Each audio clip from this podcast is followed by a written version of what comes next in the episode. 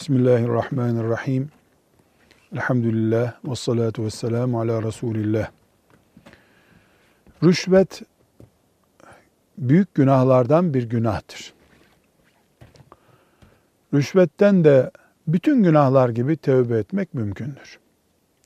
Tövbesi mümkün olmayan bir günah yoktur.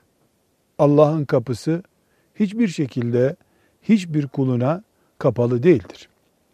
İblis bile becerip tövbe edebilseydi Allah onu da affedecekti.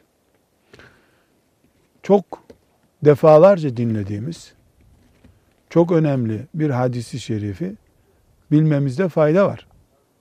Yüz kişiyi öldüren bir insanı bile Allah affetmiştir, tövbesini kabul etmiştir. Yüz insan öldürmek gibi bir suç bile affedilmiştir. Önemli olan günahın büyüklüğü sayısı değildir. Önemli olan tevbenin ciddiyeti, samimiyetidir. Rüşvet büyük günahlardandır.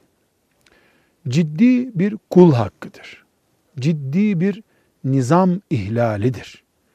İslam toplumunun Allah'ın şeriatına göre yaşayan bir toplumun o şeriatın hazzını almadan yaşamasına neden olan cürümlerden biridir rüşvet.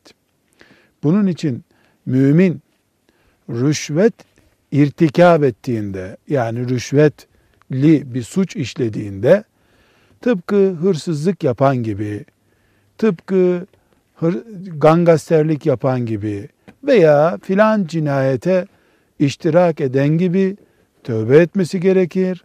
Allah'ın kapısına dönmesi gerekir. Rüşvet ne olduğu zaman rüşvettir? Ne olursa olsun.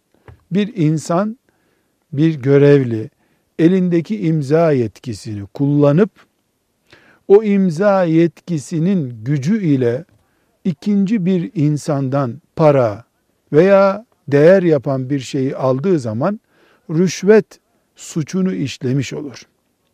Bu acilen ne yapması gerekir? Bir, acilen yaptığı işin yani rüşvet almanın Allah'ın şeriatında haram olduğunu anlayıp Allah'ın kapısına dönmeye karar vermesi gerekir. Buna tövbe diyoruz. Ancak tövbenin genel şartlarına ilave olarak rüşveti kul hakları da içinde bulunan bir suç olarak gördüğümüz için aldığı rüşvet olan şeyi de geri vermesi gerekir. Ne almıştı? Bir yumurta. O bir yumurtayı sahibine geri verecek. Ve tövbe edecek. Tövbe nedir? Samimi bir şekilde yaptığına pişman olmak, onu bir daha yapmamaya kararlı olmaktır. Dolayısıyla rüşvet suçu işleyen mümin bundan tövbe edebilir. Etmelidir. Etmedikçe kursağında haram vardır, dosyasında suç vardır. Namaz kılsa da, hacca gitse de, oruç tutsa da o suçlu mümindir. Hacca gitmek rüşveti kapatmayabilir. Sabah namazını camide kılmak rüşveti kapatmayabilir. Çünkü rüşvette ciddi kul hakkı var, ciddi nizam ihlali vardır. Burada mühim bir husus daha var. Allah'ın şeriatı ile idare olunmayan sistemlerdeki görevliler, rüşvet suçu işleseler, Ömer bin Hattab radıyallahu anh'ın devletinde bu suçu işlemiş insan gibi mi olurlar? Elbette insanın Ömer bin Hattab'ın devletinde işlediği suçla Ömer'i yok sayanların devletinde işlediği suç aynı değil ama rüşvet rüşvettir. Nizam ihlali suçtur. Kursaktan haram geçmesi suçtur. Her halükarda Allah'a dönülmesi ve kimin hakkına tecavüz edildiyse o hakkın geri verilmesi gerekir.